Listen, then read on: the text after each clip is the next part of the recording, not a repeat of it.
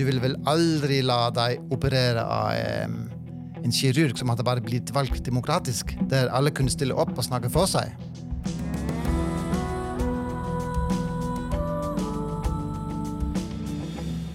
Velkommen til Alumini, en podkast fra UiT, Norges arktiske universitet. Hos oss får du foredrag og intervju med våre forskere, rett på øret, der og når du måtte ønske.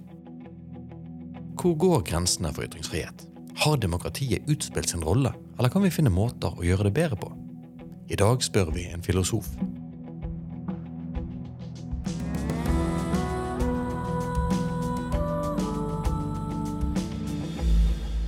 Jonas Jacobsen, velkommen til Alumini. Du er en førsteamanuensis i filosofi, stemmer det?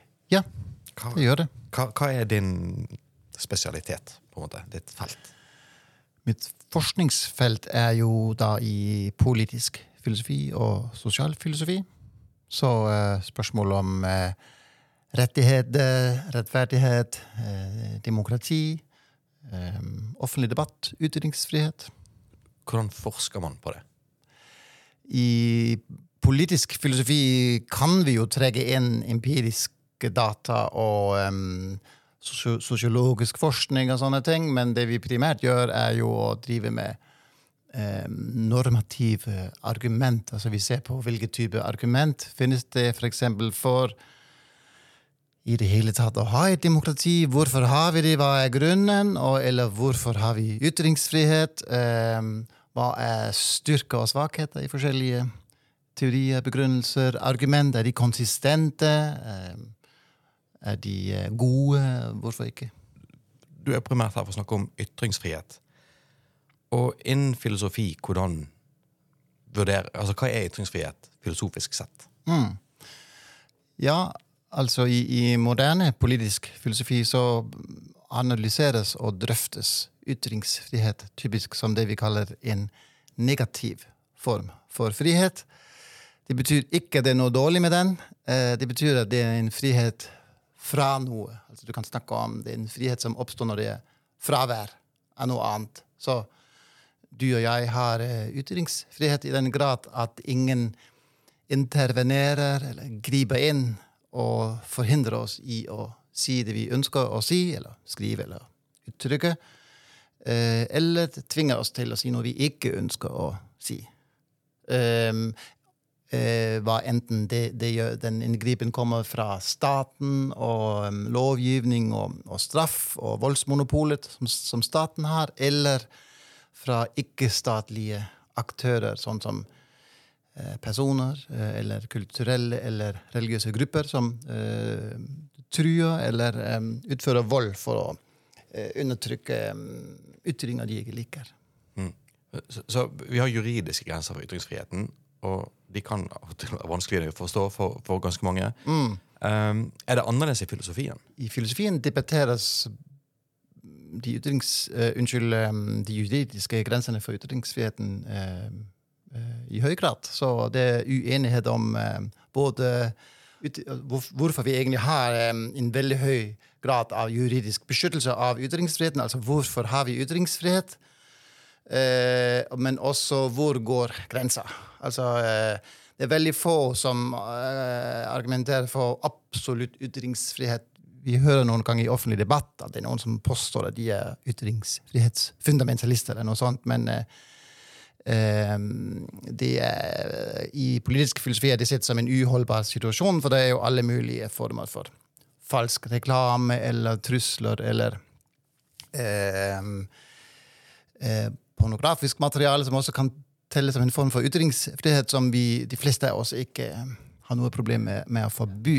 De, de aller fleste er enige om at det finnes grenser for hva man kan si Ja. og gjøre. Ja. på en måte. Det gjør de. Så diskusjonen er hvor går grensa, ikke sant? Så det er det ikke egentlig sånn vill enighet om. Ja. Men hvis jeg kan spørre deg, da altså, hvor, Veldig enkelt spørsmål, men sikkert et veldig komplekst svar. Hvor går grensen, da?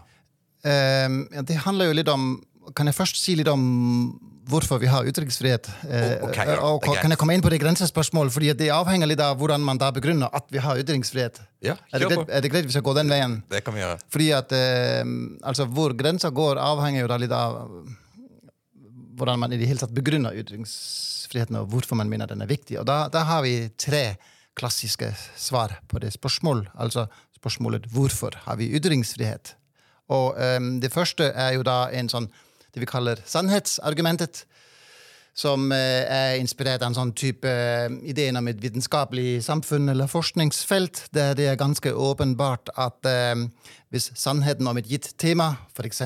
hvorfor oppsto koronavirus, eller hvordan bekjemper vi det, eller hvorfor oppstår klimaendringer, og hvordan bekjemper vi dem Hvis sannheten om disse temaene skal frem, da må liksom alle Um, teorier, hypoteser, data, argument, analyser kommer frem. Um, um, Uh, og eh, en sånn filosof som uh, John Stuart Mill han vil si um, ja, tenk hvis man forbyr um, f.eks. For opposisjon med rådene uh, den rådende epidemiologiske konsensusen i koronahåndteringen, eller med den rådende klimaekspertisen i FN. Altså at, det, at, du kan bli satt i fengsel hvis du er uenig, eller hvis du motsier det.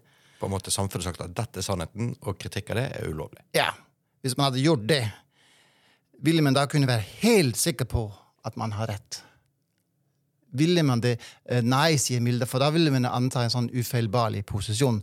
Selv hvis de som er uenige, de to prosent av forskerne som er uenige i rådende klimaforskning, f.eks. Altså, Mill snakker ikke om klimaforskning, han skriver på 1800-tallet. ikke sant?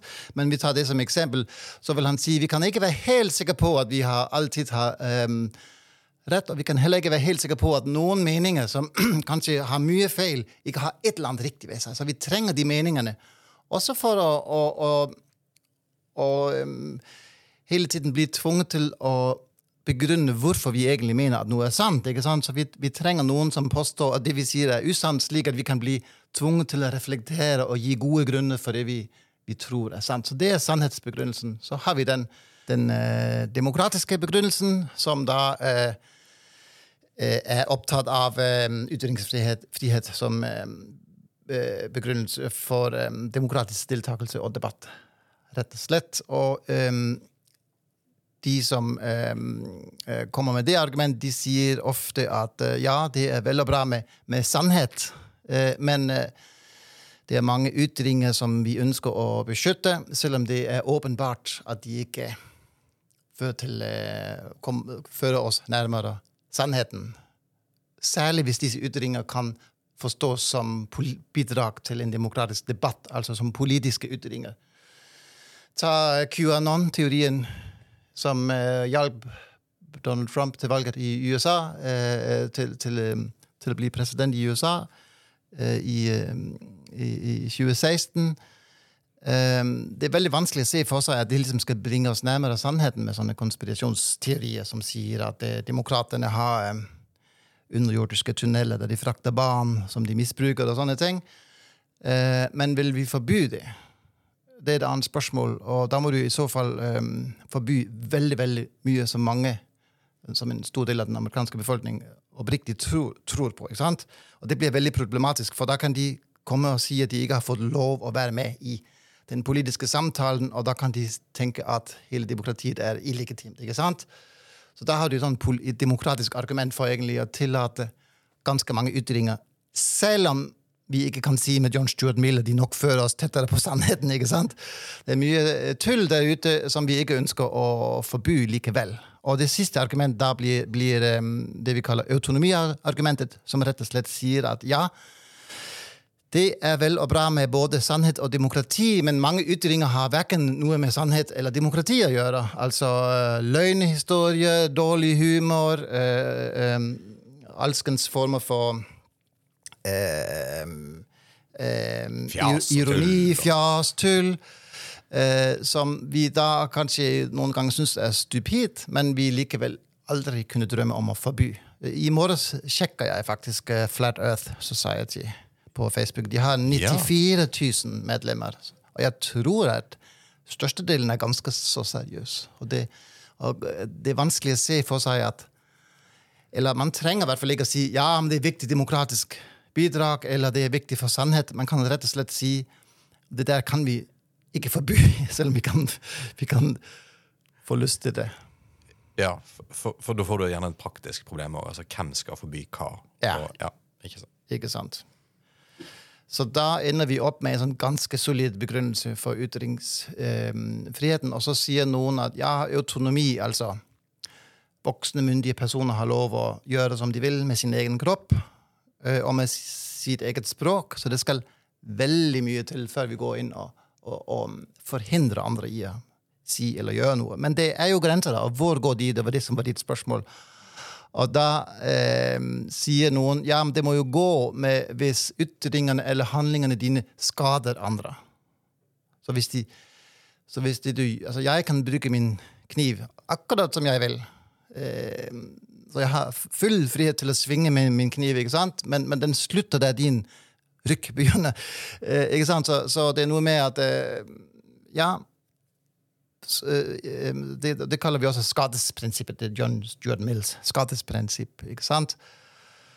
Og, men da oppstår selvfølgelig en debatt om hvorvidt ytringer da kan skade, og i hvilken grad de skader. Noen sier nei, dette er jo ord ord kan bli, Ja, du kan bli lei deg, litt krenka, og sånn, men ikke, du blir jo ikke skada at noen sier noe. At Jonas er en dårlig filosof, eller noe sånt, det er jo ikke en skade. Mens at andre sier jo, selvfølgelig, ord noe, kan påføre noen av de verste form, former for skade. Um, uh, for eksempel i form av ja, da, um, hatefulle ytringer som gjentas og gjentas i et miljø om bestemte uh, grupper i samfunnet vårt. Uh, F.eks. minoriteter eller marginaliserte grupper, da, som så uh, gjentatt utsettes for um, typer um, grovt stigmatiserende ytringer, påstander om de er farlige, perverse, skadelige, udyr, umoralske, at de lyver og, og utgjør en, en trussel mot alt som er godt i denne verden. Og hvordan er det å leve med, med, i et miljø der det er mye av sånn type prat? Det er Det vil argumentere noen filosofer for, og jeg blant dem, at det kan skade statusen og likeverdet, altså menneskeverdet, til utsatte grupper i samfunnet. Og vi har jo sett forferdelige eksempler altså, på hva som kan skje hvis noen mister menneskeverdet sitt i noens øyne. da. Mm. Um, ja, det... ja, for, mange ganger til at vi egentlig kan begynne å ramse det opp. Ja, det... Hvordan vil du da si at hva, Hvordan står det til med ytringsfriheten? da? Nå, nå, har vi jo på mange måter Etter internett og sosiale medier så skal jo vi egentlig i prinsippet alle kunne ytre oss fritt, og det skal mm. være innenfor rammer, og det er lettere å komme til orde nå enn noen gang før. Men det fører jo òg med seg noen andre ting. Ja, det må man nok si. Altså, nå er jeg jo ingen empirisk forsker, da, så jeg har ikke en masse data på dette i forskjellige land, og sånn, hvordan det går med ytringsfriheten. Men um, det er jo klart at det i politisk filosofi kommer forskning og filosofisk diskusjon av f.eks. sosiale mediers innflytelse på demokratisk eh, debatt. Og eh, ja, en av de fremste demokratiteoretikerne vi har, Jøken Habermas, som nå må være jeg tror han er 96 år som skrev sin første bok om, om demokratisk offentlighet i, i, 1962. Skrevet mange bøker siden da, og, og er um, en av verdens mest innflytelsesrike nålevende filosofer. Han har nettopp gitt ut en bok om um, den nye offentligheten, som handler egentlig om digitalisering og sosiale medier. Og det han bekymrer seg mest for, er jo denne, det han kaller den sentrifugale effekten av sosiale medier. der Vi kan også kalle det for gruppepolarisering. Der at uh, den tendensen til at grupper Altså at um, vi mister evnen til å, å um, kommunisere på tvers av identitetsgrupper og um, andre typer gruppedannelse. Så, og jo mer vi snakker med de som er enig med oss på forhånd, jo mer blir vi bekrefta i at vi har rett. Og så skjer det en sånn sentrifugering der, der de forskjellige gruppene blir spredt fra hverandre. Eller polarisering, kan man også kalle det. Gruppepolarisering. Og forskning viser at hvis du f.eks. tar eh, en gruppe som er sånn moderat, men eh, eh, litt sånn kritisk til feminisme eller en gruppe som er ganske moderat, men, men ganske positiv til begrepet feminisme. Ja, De vil kanskje si at de er feminister eller til velferdsytelser. da, Hvis de får lov å eh, bare snakke med seg selv, da vil de gå i mer eh, ekstrem retning på den måten at de vil bli mer og mer enige, og så trekke lenger og lenger ut i en eh, retning der de kanskje Ja.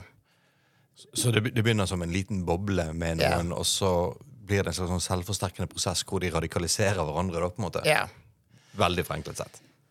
Helt riktig. Det var ikke meningen å si at radikal feminisme er et stort problem i dag. For eksempel. men, Men, men vi ser det jo med, med, med grupper på tvers av politiske skiller at, um, ja, at det, ja, de får en sånn um, Trekkes ut i, i uh, grupper som får vanskeligere og vanskeligere ved å snakke med hverandre og forstå den andres uh, synspunkt.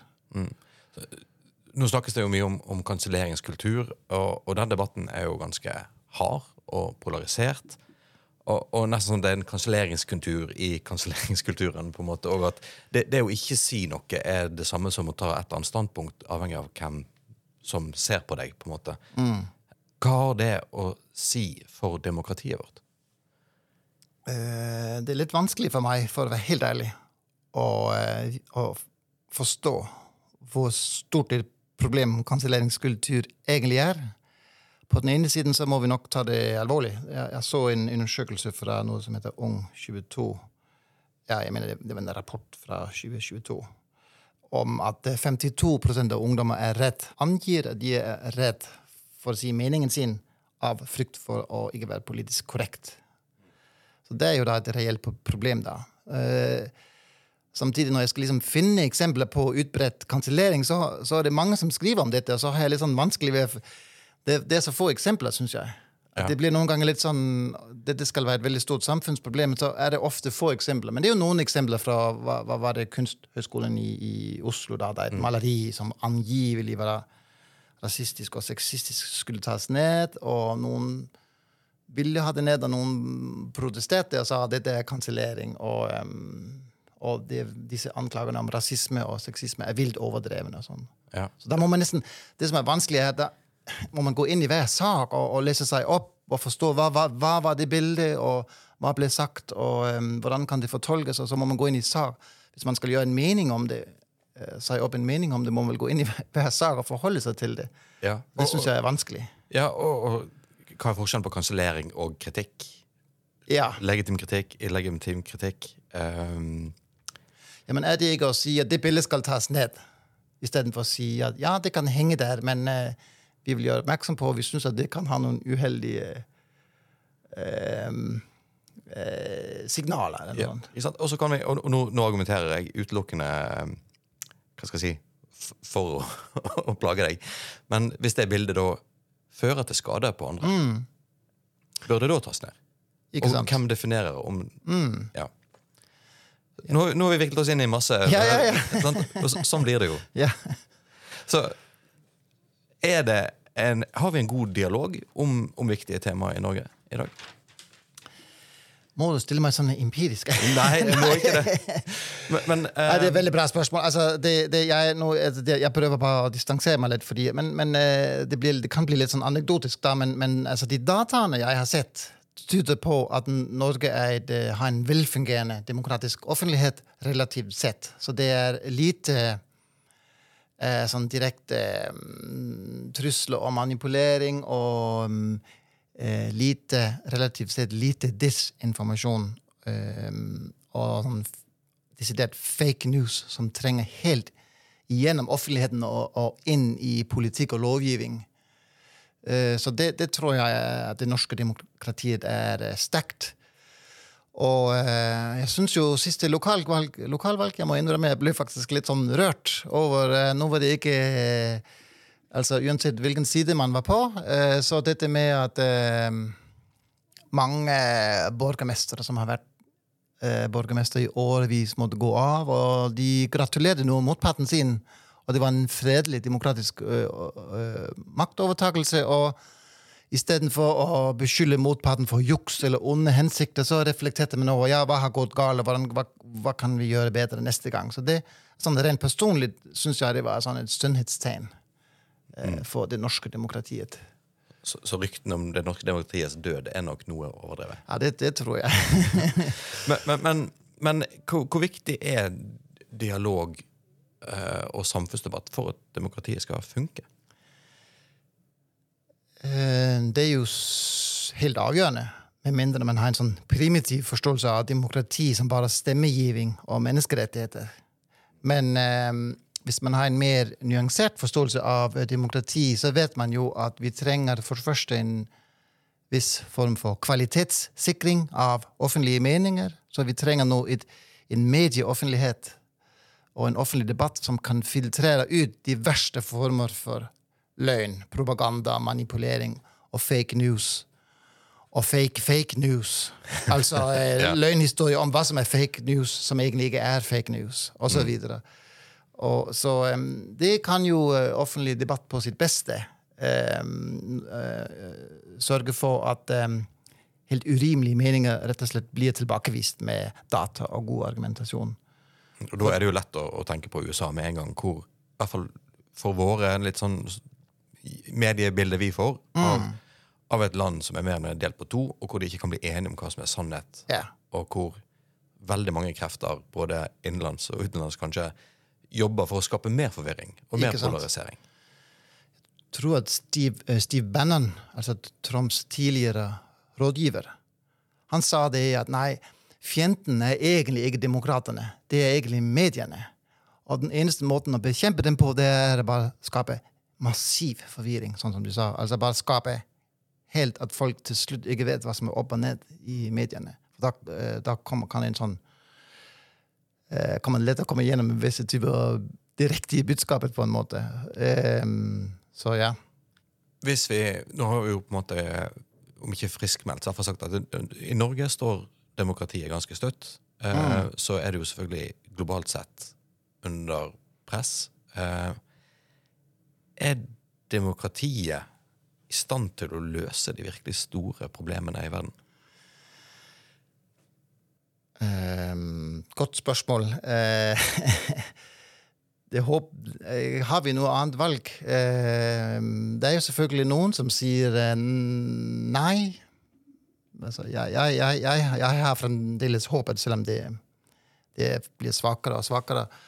Men ehm, det er noen som sier nei, eh, det kan demokratiet ikke. Det er eksempel den eh, amerikanske filosofen Jason Brennan, eh, som nå alle vil ha intervju med, og han selger massevis av bøker. Han sa at før, før brexit og Trump var det ingen som ville høre på han. Han ble aldri invitert til noen konferanser, men nå, nå blir han liksom ringt ned av journalister. Det er fordi han sier at la oss nå bare innse at det, det fungerer faktisk ikke, og la oss prøve i det minste å kan det i, i det minste være lov å filosofere over, over mulige alternativer til demokrati. Og, og, og hva har han filosofert seg frem til, da? Han vil ha en form for epistokrati. Altså, han liker Platon, ikke sant? De, de vises styre. Han mener at du og jeg har rett til a competent government. Man har rett til kompetent styre. Og så sier han at eh, ja, men du vil vel aldri la deg operere av em, en kirurg som hadde bare blitt valgt demokratisk, der alle kunne stille opp og snakke for seg. Eh, eller ta en tur med hytteruta hvis eh, kapteinen bare hadde fått jobben sin som fritt valg. Alle kan stille opp. Vi har ytringsfrihet, og den som har størst karisma, vinner. Eh, nei, det er den som har riktig utdanning og lang erfaring. Som skal være kirurg eller kaptein. Og politiske beslutninger er egentlig enda mer viktige enn både medisinske og, og, og de andre beslutninger. Så, så det her er enda mer viktig at folk med rett utdanning og kompetanse og lang erfaring styrer. Det er jo ikke kontroversielt i det hele tatt. Altså det er på en måte, han, har på en, han argumenterer egentlig ganske godt for seg, så man blir litt sånn frustrert når man leser det noen ganger, fordi det kan være vanskelig å svare på det. Men, men eh, det som jo kan være veldig problematisk, er at han forutsetter at det er rett svar i politikk. Så eh, det finnes rett svar på politiske spørsmål, og det kan vi finne ut, og det skal eksperter finne ut. Men hva er rett svar i abortspørsmål eller i innvandringsspørsmål? Det, jo også det er jo også verdispørsmål. Det handler om hvem du er som person. Og hvis man skal si til folk at de ikke har stemmerett fordi de har feil svar i slike spørsmål, da tror jeg man får et både kjempefilosofisk problem i form av legitimitet for hvem skal definere hva som er sannheten her. Men også et kjempepraktisk problem i form av eh, Vi kan ikke gå fra det vi har nå, til å si at nei, du har ikke stemmerett, for du har mm, feil oppfatning. Altså det, går, det, kommer aldri til å funke i praksis. Så man kan spørre seg hvorfor har han skrevet boken når det åpenbart ikke kommer til å fungere. Fins det, det mindre radikale forslag? ja, det finnes det jo mange som sånn innen den retning som kalles deliberativ demokrati, altså en sånn type demokrati som vektlegger betydninga av offentlig samtale og debatt. Finnes det jo noen som eh, f.eks. har sånne eh, mini-offentligheter. Eh, deliberative mini-publics, der eh, f.eks. tilfeldige borgere blir valgt ut. Så får de fri fra jobben i en periode, så skal de lese seg opp på forskjellig materiale for og imot. Eksempel, hva vet jeg, lakseskatt, eh, eh åpne nye oljefelt, eh, mer eller mindre innvandring. Lese seg opp på, på, på, mm, data og forskjellige synspunkter. Så skal de kanskje høre på eksperter som er eh, saklige, men uenige. Så skal de snakke med hverandre under ordnede forhold. Får ikke lov å bare komme med ukvemsord og sånt. Og så, når de har gjort det i, i en periode på et halvt år, sånn jevnlig, da skal de f.eks. stemme eller skrive en rapport sammen. som da og da, da, mener man at det kan være en sånn mer um, reflektert form av det, hva Norges befolkning ville ment hvis den hadde fungert bedre, offentligheten. Så en mer reflektert utgave av folkets vilje, som da kan bli fremlagt for, um, for regjering og lovgivere, som de kan bruke i politikken sin. Og igjen, sånn, Det har noen praktiske utfordringer, men òg sånn det er en sannhet som må måtte finnes, da. For den fins. Ja, det er vel en idé om at det finnes en sannhet om hva folk ville Hva ville vi um, ment hvis vi hadde bedre betingelser for å søke informasjon og snakke med hverandre? Og da, um, ja. Mm. Vi, vi, får virkelig bare håpe at uh, demokratiet klarer seg, og at ytringsfriheten er, som du sa, det står vel ikke så aller verst til i Norge, i hvert fall. Nei. Nei. Heldigvis. Jonas Jacobsen, tusen takk for at du kom til Alumini. Bare hyggelig. Takk for invitasjonen.